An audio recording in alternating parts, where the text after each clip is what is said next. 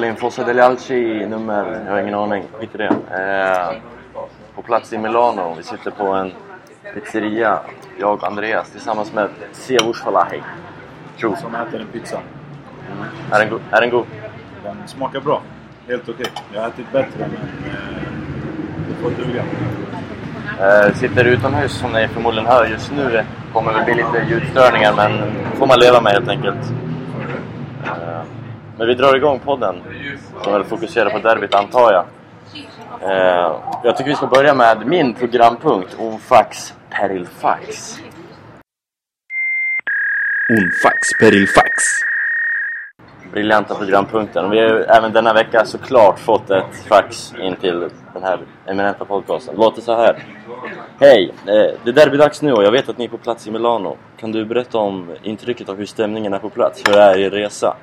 Eh, tack för historiens bästa podcast. Forza Milan. Hälsar eh, Göran. Eh, vi kan väl börja Andreas. Forza del resan pågår just nu. Eh, det är en grupp på, vad är vi, 14?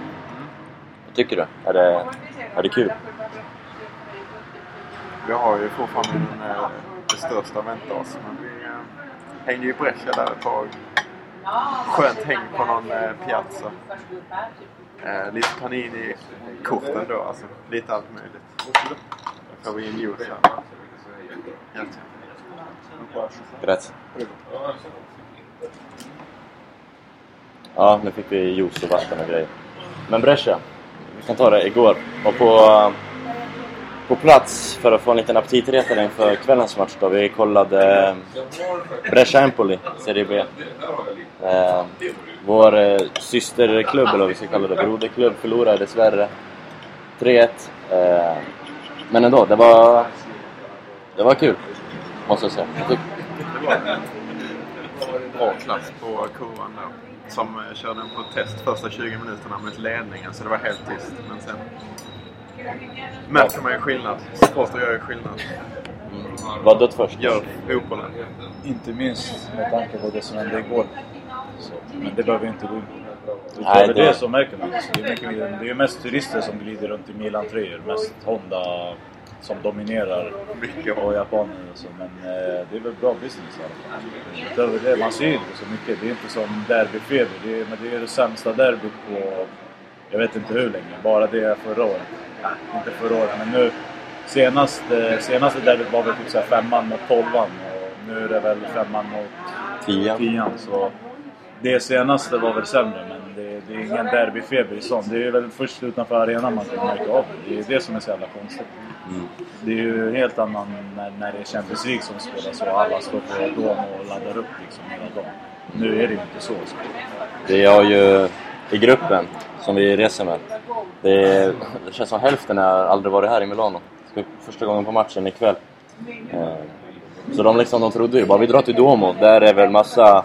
Där hänger väl Milanisti och vi kan ju hänga där med dem under dagen. Sa de där. Det är ju inte riktigt så. Det är en luftballong på torget framför kyrkan just nu. Det, är inga, det syns inte att det är derby utan det är en stor ballong där och en massa barn som flyger med drakar. Det är ju först och främst utanför arenan som man kommer märka. För då, det märks ju så, som... Det är så stor skillnad från när det är stor match och en mindre match när man eh, är utanför San Siro. Är det en liten match och det är lite folk, det är, det är liksom rätt öde. Går in på arenan, det är inte så mycket folk alls. Nu kommer det ju vara rätt mycket folk i rullning, i alla fall på barerna där de samlas. Det är synd att de inte längre kör, att de samlas alla på samma ställe och hetsar varandra innan matchen. För att, ja, eller de gör inte det längre vad jag vet. Så Milan, Milan-kurva samlas på, utanför kurva Sud och Inters kurva samlas in utanför kurva Nord. De, de gör ingenting tillsammans längre och det, det är ju lite synd för stämningen. Men jag tror att det blir bättre inom, ja, inne då. Mm. Hoppas vi i alla fall. Borde vi Man, kan ju liksom inte, man ska inte bara snacka ner det. Liksom. Det, är ändå, det är ändå derbyt som... Det kommer ju vara viktigt för lagen. Liksom, nu när man går dåligt också. Att, eh, då är ju derbyt ännu viktigare. Och det är viktigt för Europa League-kampen. Liksom. Så Jag tror det kommer bli bra. Milan... Eh, Milan har inte vunnit sedan 2011 i ligan i alla fall. Eh, så det känns som det är dags. Dags att verkligen vinna och kan rädda den här säsongen. Inte rädda, men eh, kan bli lite positiv klang på slutet i alla fall. Kanske. Det är ju det är ju ett sånt derby där det enligt derbylogik är så att Milan vinner. Alltså, och det säger jag inte för att jinxa utan det är för att om, om Inter inte förlorar när Scalotto gjorde det där målet och om inget lag vinner fyra derbyn i sträck då är det en kryss eller en förlustmatch för Inter den här matchen känns det som. Att, men man bryr sig inte så mycket. Det är inte därför man är här. Då hade man inte varit här. Så det, jag, tror, alltså, jag tror dock att det, det beror lite på oss. Det, det känns som att det behövs ett tidigt mål. Annars så känns det bara som att det blir antiklimax och båda lagen är rätt nöjda med lika. Man, speciellt Cedorf som kanske riskerar lite. Och Mats Arri som kanske vill safea för att han en poäng då, då går han närmare Europa League. Han är, han är inte i diskussion liksom. Men eh, kan inte Mats Arri vinna en coachkamp mot Cedorf så är det ju nästan lika pinsamt som när han bytte in Kuzmanovic mot Icardi. Nästan. Eh, fortsätta svara på frågan. Alltså, mer om vår resa, Fosse de Larche-resan. Eh, berätta något sjukt. När du och jag och som är med och vi kom hit tidigare än alla andra. Eh, och det var liksom, vår första dag där blev lite kaotisk. Kan du, kan du dra den Andreas? Det är ju som, det liksom representerar lite Italien. Det är upp och ner. Jävligt mycket upp ibland och jävligt mycket ner ibland. Vi kommer hit och märker att eh, metron är helt avstängd eftersom det är första maj. Så stänger de ner. Klockan klockan sju. typ sju.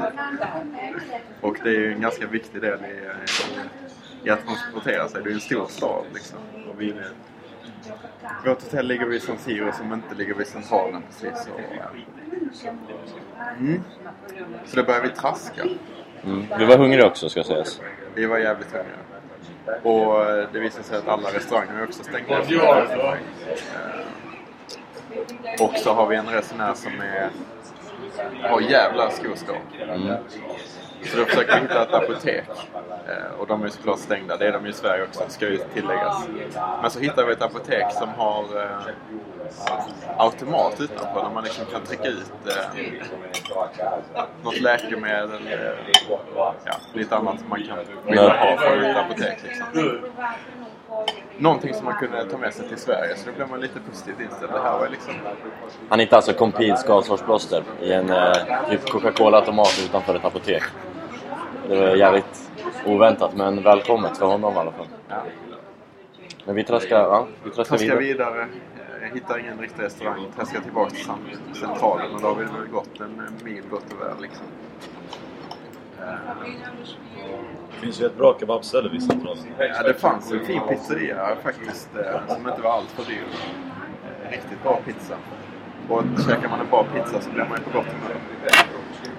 Sen är vi färdiga med pizzan och då börjar det närma sig småtimmarna liksom. Inte riktigt. Men vi hittar en... Eh, går till stationen, ska ta en taxi hem för det är väl den lösningen. Men det är ju några till som ska ta taxi när metron funkar. Så det är väl eh, några hundra där som står och väntar. Det ju en buss direkt Bu- Bussarna gick inte... Eller? Nej. Det är första maj. vet du. Bananland. Ja, det är bananrepublik. Men då hittar vi ju Marco. Marco kommer fram, det är han som hittar oss. Eh, han kliver fram och frågar om vi vill ha taxi. Fattar ju direkt att han inte kör en riktig taxi, han kör ju svart taxi såklart. Eh, men eh, till slut, efter lite erbjudanden och annat från andra eller chaufförer också, så kommer vi fram till att vi, vi nappar på Marcus erbjudande. Vi pallar inte stå i kö för 200-300 pers liksom. Så vi, vi hoppar på, följer med honom. Eh, och han raggar upp en annan kudde också samtidigt. Så vi blir, eh, jag och Andreas Kerim då, eh, som åker för den här resan. Sen är det en annan random snubbe vi inte vet vem det är. Eh, traskar iväg mot, mot centralen där han har parkerat sin bil. Eh, han går mot en stor jeep. Eh, en riktig jeep. Vi bara, ja schysst. Han har en bra bil liksom. Vi har ändå fyra väskor. Ja, vi har fyra väskor, fyra personer. Eh, man går förbi jeepen. Bakom jeepen står en liten jävla Audi. Eh, Kabbe. Kabbe. Taket uppfällt. Den, ja, han som åker ensam, hans väska får plats i bagageluckan. Och han sätter sig där fram. Men vi tre, vi får trycka oss in där bak. Det är en tvådörrars Audi ska sägas. Så vi hoppar in där bak med alla våra tre väskor i knät. Eh, I en liten jävla Audi. Vi får nästan ducka för att få plats med huvudet liksom. Men han drar iväg, lämnar av den andra resenären. Andreas hoppar fram i framsätet. Vi får lite mer plats. Eh, under hela resan dunkar den sjukaste musiken jag någonsin hört. Eh, vår vän Hybris, Jihan, när jag twittrade om det här så då kände han såklart igen låten. Det är sjuka låtar, men Jihan kunde den där. Eh, Men det är låtar som Horny Horny Horny går texten och Grav, eh, vad heter det, kyrkklockor och... Ja, det var... Han drog igenom centrum 100 km i 110 timmen. 110 meter nu som är högst. Och det är ingen motorväg direkt som går genom Milanos centralare delar. Eh, helt plötsligt stannar han. Eh, Vi vet att vi inte är framme. Vi måste ju ta ciggen först. Ta den nu. Han tar en... Eh, håller på att blinka på omkörning där i 100 i centrum. Över eh, linjer och sånt där. Helbara linjer, men det bryr man sig inte om här. Samtidigt som han tar omkörningen drar han upp en cigarett och tänder. Eh, och det är inte så att han håller den ut för fönstret heller utan han kör den mitt i och liksom blåser upp i taket och grejer. Eh, och sen vidare till ett stopp. Ja, helt plötsligt stannar han. Eh, vi förstår inte riktigt varför, för vi som sagt vi vet att vi inte är framme. Eh, Eh, helt plötsligt börjar rutorna röra sig, han styr rutorna. Eh, så rutorna åker ner lite alla fyra. Sen gasar han på liksom så här, så han varvar motorn. Vi trodde först att han ville imponera på oss med att visa sin bil liksom. Eh, för rutorna åker upp sen igen. Eh, Jaha, garvar lite där bak. Sen drar han ner rutorna helt igen, samtidigt som han fäller taket. Så liksom taket fälls ner automatiskt.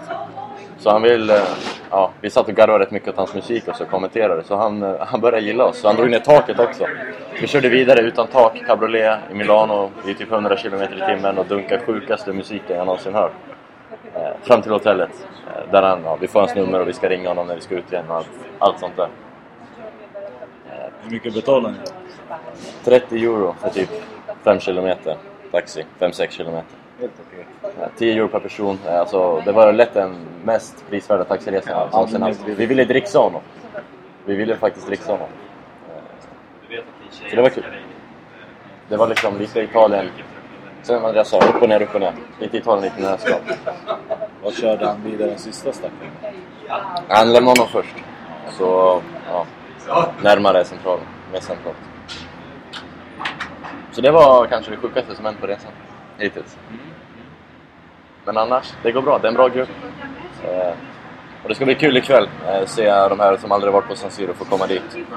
När deras hakor ligger nere vid knäna och ser arenan första gången.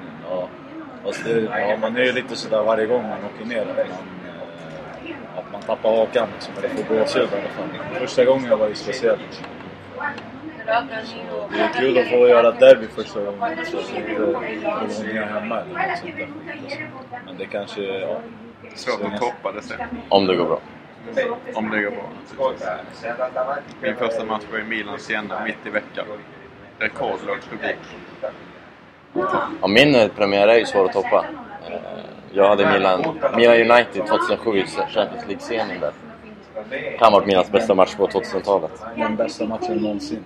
Ja, du hör den. Av något, av något lag. Alltså, Säger en, en, en av de bästa alltså. Typ Den mest perfekta, perfekt spelade matchen. Ja. 3-0, inga, ja, 3-0, inga, inga skott mot sig på hela matchen. Flera mål kunde ha blivit 5-6-0. Men det var ju efter det där som, jag vet inte om ni har sett när de zoomar in Ferguson när han står och bara rör inte min. Det var ju efter det där han började köra sin kontringsfotboll som gjorde att de vann Champions League. Och Det är rätt kul att Milan någonstans satte han i en identitetskris. Ja, då var min programpunkt klar. Eh, Vi kan ju över direkt till min. Kör. Eh, inte jättegenomtänkt ska jag säga, men jag, det är ju veckans ost det handlar om. Veckans ost. Veckans vad? Ost. Ja.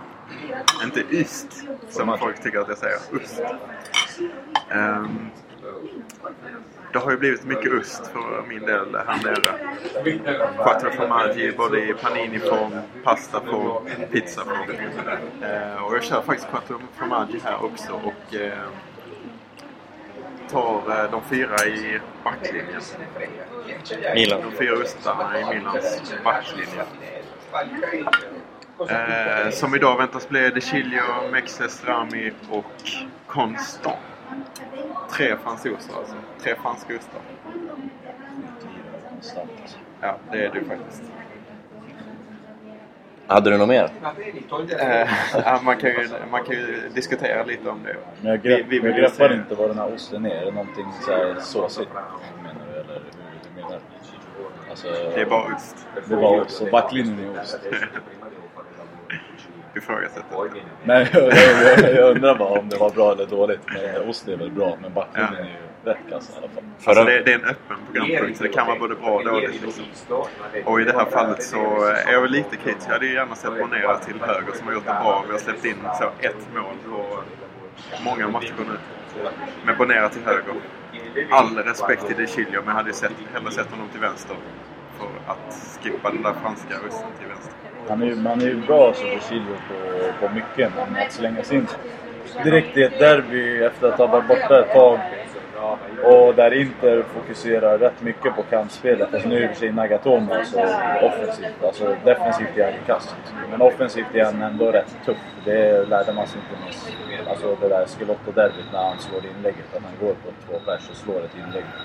Så det, det kan ju bli rätt det kan ju bli åka av för en, en machotränad spelare. Men vi får se. Alltså, jag tycker ju om honom som spelare, men jag tycker också att Bonera kanske borde ha startat. Men det kanske visar att Cedorf vill gå mer offensivt än vad man tror. Speeden, De Chile har ju hyfsat speed till skillnad från Bonera. Nagatomo är ju riktigt snabb. Jag vet inte det kan ha något med saken att göra också. Att de försöker hänga med Nagatomo defensivt. För Bonera, sätter Nagatomo fart hinner inte Bonera med. Å andra sidan hade Abate hunnit med ännu bättre. Mm. De Chilio är snabb och han är ju fantastisk på alla sätt. Men eh, snabbheten är ju Abates inget. Nästan så att De Chilio kombinerar Abate och Boneras alltså egenskaper som Ja. bäst. Men det är inte det som är frågetecknet. Plus inlägg. Ja, det är ju, det är ju matchformen som är, som är frågetecknet där alltså. Men vi får se alltså. Men eh, De Chilio i vilket slag som helst eh, petar konstant. Ja, det gör det. Mexes Rami då? Rami har ju varit eh, väldigt bra de senaste matcherna och han är vår första mittback nu tycker jag utan snack.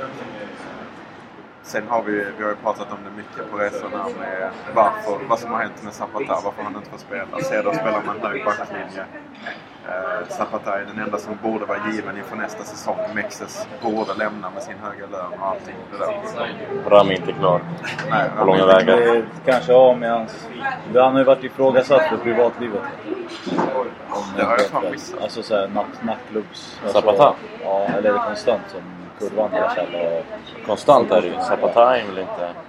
Han är ju familjefar. Ja, eh, Har, barn och Men då är det konstant. Jag hade för mig att det var båda de två. Det hade annars kunnat vara en anledning. Men alltså, jag vet inte. Så jag kommer ihåg för förra derbyt så, så stod man i alla fall i alltså, interklacken och skrek liksom. Vad fan, du kan inte försvara alltså, anfall för det är, det är Zapata och konstant i backlinjen. Så det där, han kanske är sett lite clownig här nere. jag inte.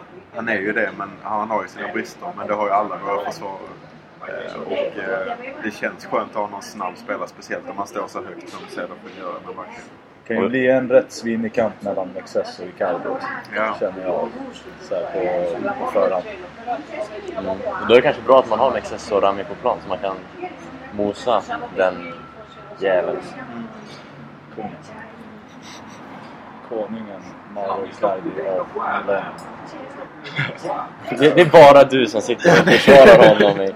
Jag fattar inte. Eller det är kanske inte bara du. Det är interister i allmänhet tycker jag. Men samma med min lillebror, samma med eh, Nima i, viss mån också. Men han är, det, alltså, det, är, det är ju lätt att se varför inte fans försvarar honom. Han är ju någonstans liksom... Den, alltså han, det, det, är en, det är en ung, duktig anfallare som... Ja, han, han, är ju, han är ju liksom grabbig. Han har sina tatueringar, han har sin... Ja, fan, han ser bra ut liksom. Så han, han har ju blivit lite så här idolstämplad för oss. Det är därför. Det som jag har mest fått för det är ju Maxi Lopez som, som person. Alltså, så här, jag, tycker, jag tycker jag ser på hans ansikte att han är en vidrig människa. Jag kanske dömer honom för snabbt. Men jag, Till jag, skillnad från Icardi. Ja. Som Icardi, efter någon vecka tatuera in Rwanda jättestort. är, han är ju först och främst en fjortis och sen kanske ett svin. Det är det, det är det. Han är ju 20 bast och har ju blivit ihop med den som är vår generations Pamela Anderson i Argentina. Liksom. Alltså, så det, det är väl det som har gjort det. Men han är ju... Om, jag, vet inte, jag tror det kommer vara intressant att kolla på idag. Även om Balotelli säkert gör mål bara för att jag ser det. Skillnaderna på rörelsemönstren där. Eh, Riccardi alltid tar rätt löpning. Medan Balotelli alltid står still om man inte ska sätta den på 30 meter i krysset eller göra mål. Det, eller när Milan anfaller. Det, han, gör jättelite nytta utav. Alltså jag kan ju för, till viss del förstå det, även om det är brutalt hur, eh, hur vidrig han är. Hur snabbt han har gått upp. Han har inte gjort någonting mot Milan. Annars brukar det vara spelare som har gjort någonting mot Milan hamnar väldigt ofta högt upp på någon hatlista. Men Icardi har äh, glidit Han har väl inte där spelat mot Milan? Utan konkurrens. Liksom. Jag vill inte säga att Som han, samt, med samt måste han ha gjort. han har inte gjort något än. Så vi får väl hoppas att han typ gör mål och sen hyschar. Men sin målgest eller något. och så. supportrar glömmer ju väldigt snabbt när det går bra. Alltså jag menar vi har eh, Tarap som eh, inte har varit stökig på samma sätt. Eller han har varit stökig på det sättet också. Men eh, som har talat väldigt illa eller nedlåtande om Milan innan han kom förra vändan. Det är inte många som pratar om det nu även om vi har, jag har tjatat om det många gånger i den här podden. Går det bra och han presterar som Tarap också har gjort så, så glömmer supportrar väldigt snabbt. Ja. Eh, var juicen god? Det var bra. Färskpressad är alltid. Ja. Vad ska vi prata om nu? Vi Det var... fortsätter med Vi, uppställningen så har vi ju snackat jävligt mycket på resan. Eh, Vi träffade ju paret Blomé också och hade långa diskussioner om att eh, varför i helvete inte Pazzini ska spela på topp och Balotelli släpa han antingen centralt eller kanske framförallt från kanten och komma in eh, som han har gjort i andra lag. mm. Ja. Eh, där hans styrka kommer ut bäst. Vi har ju pratat om det tidigare så vi behöver inte. Prata allt för mycket Ska vi höra vad Sia tycker? Som har haft både Pazzo och Balo och skrivit krönikor om Balotelli. Vad, hur ser du på de två? Jag gillar ju Pazzini jättemycket. Men han är ju lite för beroende av ett fungerande lag för att jag ska tycka det är en riktigt bra spelare. Men alltså, ja, jag tycker han är ju också lite beroende av att ha en spelare bredvid sig som kan öppna upp ytor eller slå inlägg eller bara göra något briljant. För han, han till skillnad från Balotelli, löper ju alltid rätt. Han tar ju alltid den, alltså anfall, alltså om man, om man kollar på det här Pippo Inzaghi, Bobo Vieri, alla de här spelarna som alltid löper rätt. Även om de är dåliga så är de ständigt i rörelse och det, det påverkar liksom resten av laget och framförallt motståndarna väldigt mycket. Och där gör inte Balotelli någonting. Det, det, man måste se honom på plats för, för att förstå liksom hur lite det är han rör sig egentligen. Men, eh, och det ser jag inte som att, ja, men, att folk som sitter på TVn inte ser någonting. Men eh, det blir, det blir extremt tydligt på plats för då ser du han utan boll. Eh, medan Spazzini är en... Lagerbäck hade kallat han en ärlig spelare. Liksom. Alltså en som gör sitt jobb. Som stångas, som löper och som sliter. Och där tycker jag att de två ska spela tillsammans. För där Balotelli har kan ju slå bra inlägg. Honda kan slå bra inlägg. Jag vet inte om han har visat det. Men han... Synd. Eh, han, han, har ju, han har ju kapaciteten att få två kanter som kan mata Pazzini med bra inlägg och en Kaká som kanske kan mata med bra instick. Och då fattar jag inte varför han inte använder det. Men det kanske är en lösning till, eh, ja alltså i matchen. Ja, Alltså, det, eller det, de är här han Sharawi. det- det det. vi har inga andra anfallare på bänken om jag skulle starta med dem. Så att jag vill ha alternativ till senare. Ja, men det är ändå så här, när har du tänkt vinna den här matchen? Det, det, det är liksom, du kan inte bara gå in för att vinna den när det är sent. Eller om det ser ut som mot Roma där det är i princip kört. Det bästa laget ska spela i slutet av matchen. Var inte det Hamrén sa i någon julsak?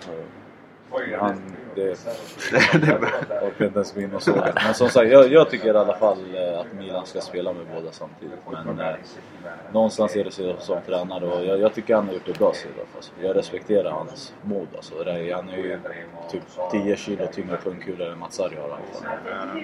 man kan ju gå in på hans mod. Han har ju, Galliani har ju sagt det har ju kommit fram att Galliani har varit rätt så tydlig med att Balotelli och Pazzini ska spela tillsammans. De Chilio och Abate, det ska vara riktiga ytterbackar, inte bara nera. Eh, Var det någon till eh, taktiskt direktiv han hade? Det var ju 3-2 istället för 2-3-1. Ja, just det. Det var... Allmän, alltså det var ju Allegris. Han ville ha. Han vill inte ha alltså. Tarab bort. Eh, Men eh, i dagens Gazzetta då så pratar eh, han och han är ganska tydlig, eller väldigt tydlig med det här att det det är jag som är tränare i Milan. Det är mina beslut. Eh, jag har... Jag fattar inte att han ifrågasätter att jag, att jag inte ska vara kvar nästa säsong. Jag har två år kvar på mitt kontrakt. Så han är väldigt tydlig där. Och han har ju någonstans levererat resultat. Alltså, Ja. Han har ju tagit fem raka vinster, något som inte Mats Sarri har lyckats med på hela säsongen. Och han är bäst betald i ligan. Och då snackar vi inte om att Inter mötte Juventus, Roma, Napoli eller Milan när de tappade de här. Utan det har varit Kiev, alltså Bologna, Kiev och Livorno och alla de här lagen som snudd på på ur. Så det är det som jag tycker är konstigt. Cedric tycker jag är bra, men det känns ju konstigt om de ska ta ut honom för att ta in Pippo. Alltså jag hade förstått om de ska ta ut Cedric för att ta in eh, typ Montella. Ja, Montella, Spalletti, någon sån där. Men nu, nu så känns det bara som att de vill ta in en som Galliani vet kan använda som nyckelrocka. Alltså liksom som han kan styra Mercaton med, som kommer göra, försvara klubben och försvara Galliani när han går. Men liksom hur... Även om det nu sägs att det var Berlusconi som tillsatte eh, tillsatte Cedorf så var det ju... Berlusconi ska också vara missnöjd med Cedorf. Liksom, vad hade de väntat sig? De känner att han har spelat i Milan i hur många år som helst. De vet ju att han har de här ballsen, att han eh, går sin egen väg. Liksom, nu har de satt han här på knappt ett halvår. Och de, nu verkar det som att de liksom är förvånade. Fan, han följer sin... Han gör inte som vi säger. Vad fan hade ni väntat er liksom? Vad är det för idiotisk research, om man ens får kalla det det? Men det, det, det här är ju typiska italienska grejer. Alltså så här politiskt och så här eh, rävspel och fulspel. Alltså det, det är en maktkamp där som pågår liksom. Där Galliani vill visa att det är han som styr och ställer liksom. Speciellt nu när han blev kvar efter allt det som hände tidigare. Och medans, jag vet inte, jag, jag tycker det känns jävligt mycket Inter över det som händer i Milan. Det är det jag menar. Alltså, det kan vara en maktkamp men det brukar skötas snyggare i min. Ja, men nu är det, men det, jag tror Det är lite handlar- snyggare nu än i höstas. Nu är det Det- tyst men det är ändå man förstår vad som händer. Det, det, som är, det som är grejen nu tror jag att det finns andra intressen inblandade. Är det, är det något som händer i Milan då är det ofta liksom direktörsmässigt eller så. Då, är det, då håller de det enat. Men nu tror jag att det finns rätt många bänkade spelare som är lite missnöjda. Som använder sina agenter för att läcka information till journalister. Och, alltså, jag kommer ihåg när Gazettan listade så här, sju punkter Milans spelare är, är missnöjda med. Liksom, eller vad det är. Alltså, hur, hur kommer det där ut om det inte är intentionen från någon spelare eller spelaragent till någon som är bänkad? Speciellt kanske de italienska då som har bra kontakter. eh, Alltså, vi snackar Di Marzio, vi snackar de här journalisterna som kan sprida saker rätt snabbt. Så jag tror att det, det känns någonstans som att det är rätt många som är missnöjda med vad som händer och vad som pågår och därför gör sitt bästa för att gynna sig själva. Och det gör i slutet att det läcker mer än någonsin när det kommer till Milan. För när det kommer till Milan så är det ju en liksom rätt pressskyddad klubb. Men det har inte varit fallet de senaste månaderna. Det betyder att det är riktigt illa.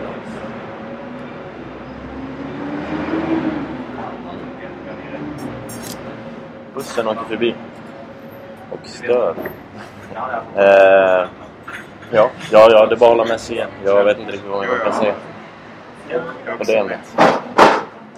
Så, Vad tror jag om matchen? ja, alltså... Det är flera på den här i vår grupp nu som har pratat liksom. Hade det gått bra mot Roma så hade jag trott, trott på, på Milan i derbyt. Men nu vet jag inte. Liksom. Jag står ändå fast vid att det spelar typ ingen roll hur det går i matcherna innan. Eh, för ett derby... Det är klart, hade vi haft ännu större chans på Europaspel så kanske det hade varit lite bättre motivationsfaktor. Men ändå, alltså ett derby är ändå ett derby. Tycker jag. Jag tror... Eh, att vi förlorar mot Roma tror jag inte betyder jättemycket för matchen. Men lever ju sitt eget liv. Jag tycker Exakt. det ska bli mest intressant att se liksom, hur Milans spelargrupp reagerar. Alltså, för nu, det är verkligen så här. Vill de ha bort Cedorf är det verkligen matchen att ställa in skorna. Liksom. Alltså, de kommer inte, jag ser inte att de kommer lägga sig eller göra sig. Men du kommer rätt tydligt märka deras eh, approach till den här matchen, hur, hur det ser ut. Och egentligen ska inte det behövas, men pågår sådana interna matchspel, då, det, det, man vet, det är så jävla ovisst. Det är ju rätt intressant att för att i Inter är det ju liksom, du har ju ja, rätt många tunga karaktärer som gör sitt sista derby. Mm. Och det hade man ju kunnat tro skulle leda till något missnöje. Men just nu så känns det bara som att alla var, alla var kör. Det är ju rätt skönt. Men det ska bli intressant att se Samuel då. Han har sitt sista derby. Han har vunnit alla derbyn han har spelat. Det är lite Undertaker på WrestleMania. Och, men, eh, ja, hans svit bröts ju också det här året så det kanske är upplagt för något större. Jag tänker... Det här blir väl förmodligen det sista, sista matchen för Inter med en eh, Kurva Nord på plats i år, den här säsongen. Ja, eller alltså... Eller tror du det blir På någon San annan? Siro alla fall. Ja, på San Siro. Det är det jag menar. Ja. Mot liksom Melito och Samuel. Tror du Zanetti lägger av också? ja. Så det är sista, sista gången vi får, Kurva Nord får se dem på San Siro. Ja, eller alltså de, det som är lite gynnsamt typ, det är Lazio i sista matchen. Och då finns det ju säkerligen ett tusental biljetter som kommer ta och gå in i deras klack. Eh, för att det funkar ju så när du har gjort ett säsongskort att du kan inte köpa en annan biljett egentligen. Eh, och då, ja, jag, jag trodde ju att folk bara skulle fylla resten av staden. Men det, det verkar inte gå. Så då tror jag att det är mycket folk som kommer gå in så. Men det är ju såklart synd alltså på att de inte får eh, ja, kanske göra ett tifo eller lägga upp banderoller eller sjunga ramsor i sista matchen mot Lazio mot eh, spelare som har skrivit dem Ja, alltså på modern tid och på väldigt lång tid, både bakåt och framåt, de, de tyngsta sidorna, de finaste sidorna i Inters historia. Alltså speciellt eh, de, just de här Zanetti, Cambiasso, alltså som Milito tycker jag, Zanetti i all ära, alltså det, han har gjort 20 år i klubben snart.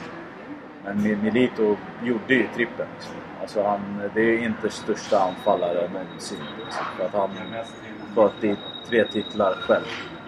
Och han gjorde alla målen och han var avgörande i alla Champions League-matcher. Så just den spelaren är ju väldigt intressant och tycker jag ska bli nästan tuffast. Alltså. Zanetti blir kvar i klubben och någonstans så tror inte jag han med Mazzaris spelstil kommer kunna bidra lika mycket som spelare. Men eh, Samuel och Milito, speciellt Samuel har jag så här issues med alltså, när, han, när han lägger ner. För det är en mittback du inte hittar någonsin igen. Alltså. Det, det, är- det är tufft alltihop, men sen att det blir kvar, det är skönt. Cambiasso, man är lite osäker, men Samuel och Milito och Samuel som spelar, det är min, det är min största så här, tuffaste punkt. Alltså. Var det tanken att de skulle sluta eller är det lite som Allegri att de, eh, många senatorer slutade? Jag tror, att, eh, jag tror att det har funnits ett problem inom Inter som inte ett problem, men att det har varit en gruppering i omklädningsrummet som har varit för stark. Och att de behöver, likt det som händer i Napoli med alla Mazzari-spelare, bygga, bygga nytt. Alltså bygga upp nya tydliga roller. Jag tror att en sån som Vidic tar sig in just för det. Jag tror att eh, den liksom argentinska kolonin kanske har haft lite för mycket att säga till om. Eh, och inte för att det har varit dåligt, det har ju lett till titlar. Det har varit de som har tränat mest och bäst, gjort flest matcher. De har alltid varit bäst. Men jag tror att Tohir, när han studerar uppköpandet av klubben och eh, har pratat med alla Moratti och alla runt omkring att eh, han har märkt av att här måste det ske en förändring kanske. För med Moratti som president så tvekar jag inte på att Samuel hade fått ett tvåårskontrakt, Milito hade fått ett ettårskontrakt, Cambiasso hade fått tvåårskontrakt och så hade man suttit i skiten när man var efter trippen igen där ingen liksom vågade säga nej. Och där tror jag är den stora skillnaden att det görs med en intention att förnya och förbättra. Sen så kan det ju slå ut fel som det blev i Milan efter att de tunga spelarna lämnade omklädningsrummet. Men behåller du de flesta nära och runt omkring laget så tror jag att det blir bra. Och sen så tror jag att eh, Tohirs någonstans, vad ska man säga, eh, grymhet eller så här, hårdhet behövs jämfört med det som har varit i Inter tidigare med mm. Ja, det är skillnad med Milan där alla, alla försvann. Alla som lämnade försvann från klubben direkt. Och inte någonstans vara nöjda med det. Jag märker ju till, och, alltså Gattuso kanske till Maldini, alla de här har varit lite så här. Det, brukar också, det är också en sån typisk grej som är, som är typisk Inter. Alltså alla pratar bra om Moratti men snackar illa om klubben. Och nu, nu någonstans så... Ja, alltså, Samuel så tror jag tror verkligen han vill spela ett. Jag tror inte heller Cambiasso lägger skorna på hyllan. Och det är det, och det, är det som är... Milito är ju över. Eh, För han lägger av, inte går till typ... Jo, han kommer gå till Argentina. Och det är det också. Den, den typen av spelare går ju hem till Argentina. Argentina vill ju hem. Men eh, Zan- Zanetti blir ju kvar och det, och det är ju för klubbens bästa. Så han håller på att plugga engelska och sånt där också för att bli direktör. Och det, det tror jag passar, det tror jag kommer vara nyttigt för vi behöver den typen av spelare. Det är bara att kolla på Juve som har byggt någonting stort med typ Nedved eh, som du måste kunna ha de spelarna som har vunnit vunnit. eh, för att göra, påbörja en ny storhetstid. Men först och främst så tycker jag att de måste göra det som Napoli har gjort. Att de slog ut alla spelare som var trogna Mats Sarri. Byggde en helt ny grupp, helt ny tränare, helt ny lojalitet, helt ny liksom, omklädningsrum och gör en grupp av det. För att eh, det gjorde inte Inter efter Mourinho. Det har missgynnat klubben ända sedan den dagen Mourinho lämnade. Ja, det är sant. Man kan spåna på det hur mycket som helst alltså, men det, det är mycket spekulationer också. Det kräver att man ger jävligt mycket förtroende till tränaren. Med lite så kommer vi dit som en frälsare. Liksom. Eh, Blir jättehyllad. Det var ju inte Inter precis när man kom till efter Mourinho. Men han hade ju en helt annan approach också. Alltså, han tog ju an uppdraget på ett helt annat sätt. Han, han gick ju inte direkt på så här. Han behövde ju i och för sig inte så här pissa på Matsari för de såg att alla som var en del av Matsaris lag har ju dragit. Bara han som är för. Så Berami till och med bänkad. Och du märker ju också det på de som är nyckelspelare nu. Liksom som Inler, han var ju så här defensiv kantspelare under Matsari. Liksom.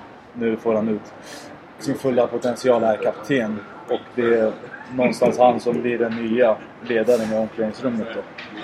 Och ja, alltså det är mycket, det är mycket som man kan spekulera hur länge som helst men eh, det, det återstår att se. Det är det som är grejen. Det är, ju- det är ju inte säkert i Inter vilka som förlänger och vilka som inte gör det. Och man kan ju, kommer ju enbart kunna dra slutsatser när man ser vilka som förlänger. Men Inter har gjort klart med nya spelare på mittfältet. Det är därför jag tror det kan bli så att Cambiasso lägger ner.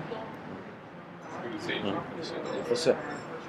Det blir alltså typ sista showen ikväll. Ja. Som sagt. Tyvärr. Eller sista derbyt i alla fall. Det kan ju bli en eh, rätt rejäl motivationsfaktor också för, för just de spelarna och för hela laget också. alla är ju under prov i Inter. Alltså alla måste ju bevisa att de får vara kvar. Och eh, det är väl eh, det, är det som är intressant att se. För de, de som har klarat av proven av de här äldre spelarna är ju Samuel och Cambiasso. Får inte de förlängt så vet man inte vilka som är. Jag tror på Toir. Jag tror att han eh, kan göra det bra och att han eh, är det som behövs för Inter. Ska vi ska vi prata om Milans kortuppställning? Vi går igenom Inters lite snabbt. Eh, Ranocchia Samuel Rolando. Den här Rolando. Eh, bänkad i Porto, går till Napoli, totalfloppar, men är väl nu hyfsat bra eller? Det är en bra spelare alltså. Det är, det är säsongens positiva överraskning och den enda spelare som Matsari har lyckats höja värdet på sen han kom. Eh, underskattat tycker jag. Så jag, jag när, när han har spelat har han, han, han gör ytterst eh, få misstag, har en ganska bra fot och spelar ganska rejält. Alltså det, Gör mål. Ja, alltså det, det är en fin spelare alltså. Det, han får väl mycket skit för att han är ful och har ett namn som påminner om en betydligt bättre spelare. Men han är bra alltså. jag, jag, Folk kommer säga att du håller på Inter, du är blind. Men han, han är, jag har sett alla matcher han har spelat. Jag kommer ihåg ett misstag han gjort. Han Det är en bra spelare. Alltså. Juan Jesus bänkas? Skadad knät, Ah, opererad och all right. Ja, där är den. Ja, han står ju på de skadade. Eh, Intressant att se Taram. Har han lyckats få ut eh, Jonathan Hernandez och Ranocchia? Kan det hända någonting där? Hernandez är väl... Jag vet inte, hur tycker du han är defensivt? Hernandez? ärlig. Alltså han tar jobbet. Till skillnad från typ Guarin som inte fattar när han ska göra. Han, han tar jobbet och han, han är smart. Det är det som är bra med Hernandez. Sen hur bra han är som defensiv, det är, det är såklart han inte är en Mascherano liksom. Han är ju en bra...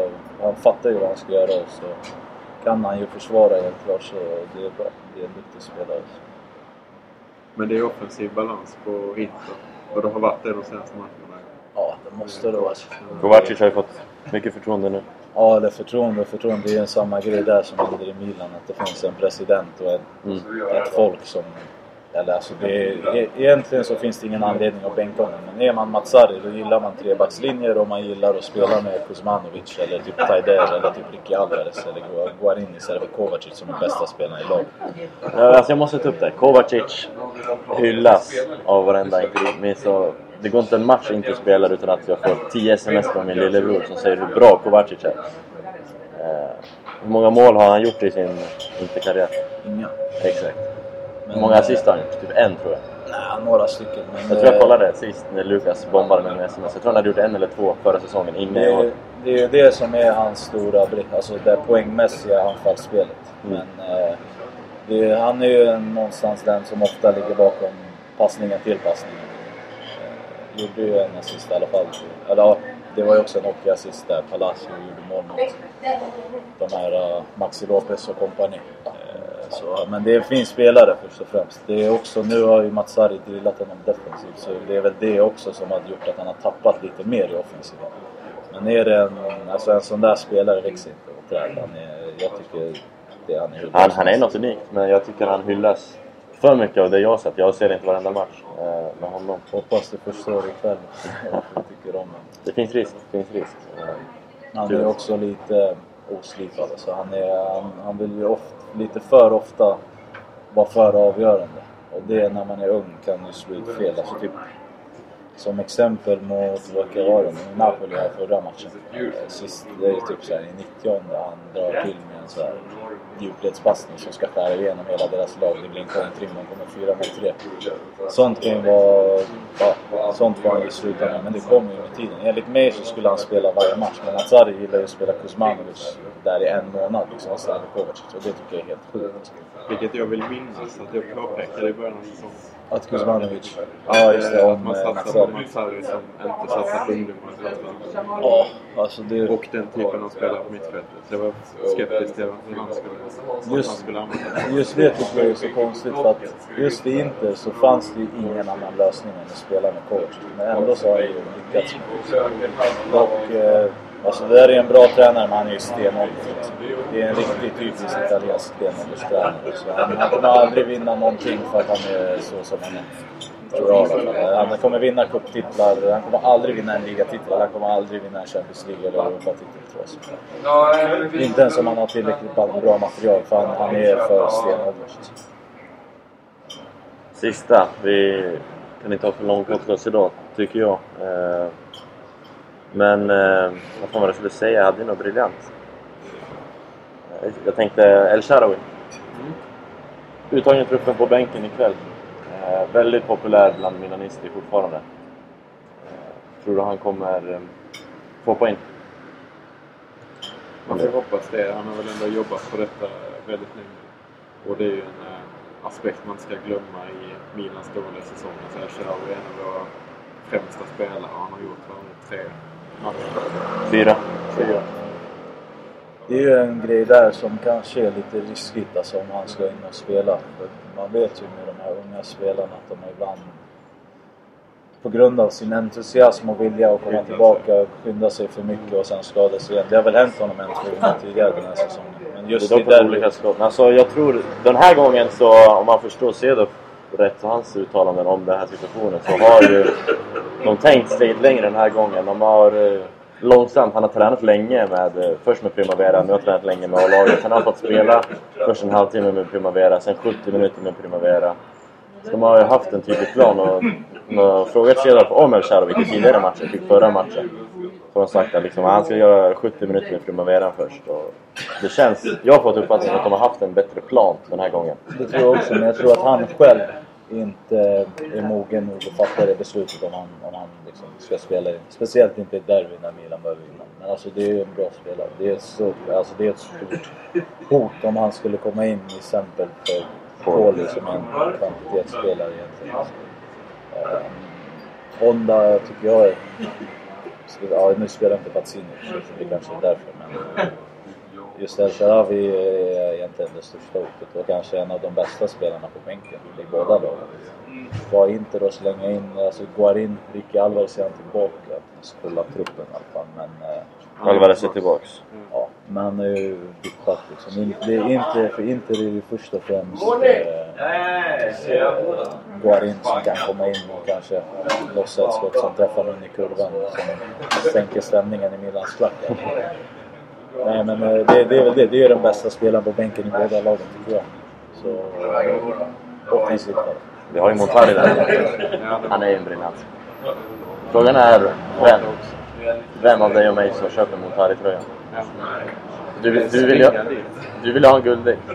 Jag vill ha en guldig antingen Qatar eller Mexes. Ja. Eh, vi får se vad som händer. Men eh, ja, vad ska vi säga? Tack för att du har lyssnat. Om du har lyssnat. Då har du lyssnat. Om du lyssnar på det här. Så tack Sia. Tack själva. Lycka inte till. Eh, Ja. På dörren då. Hej då.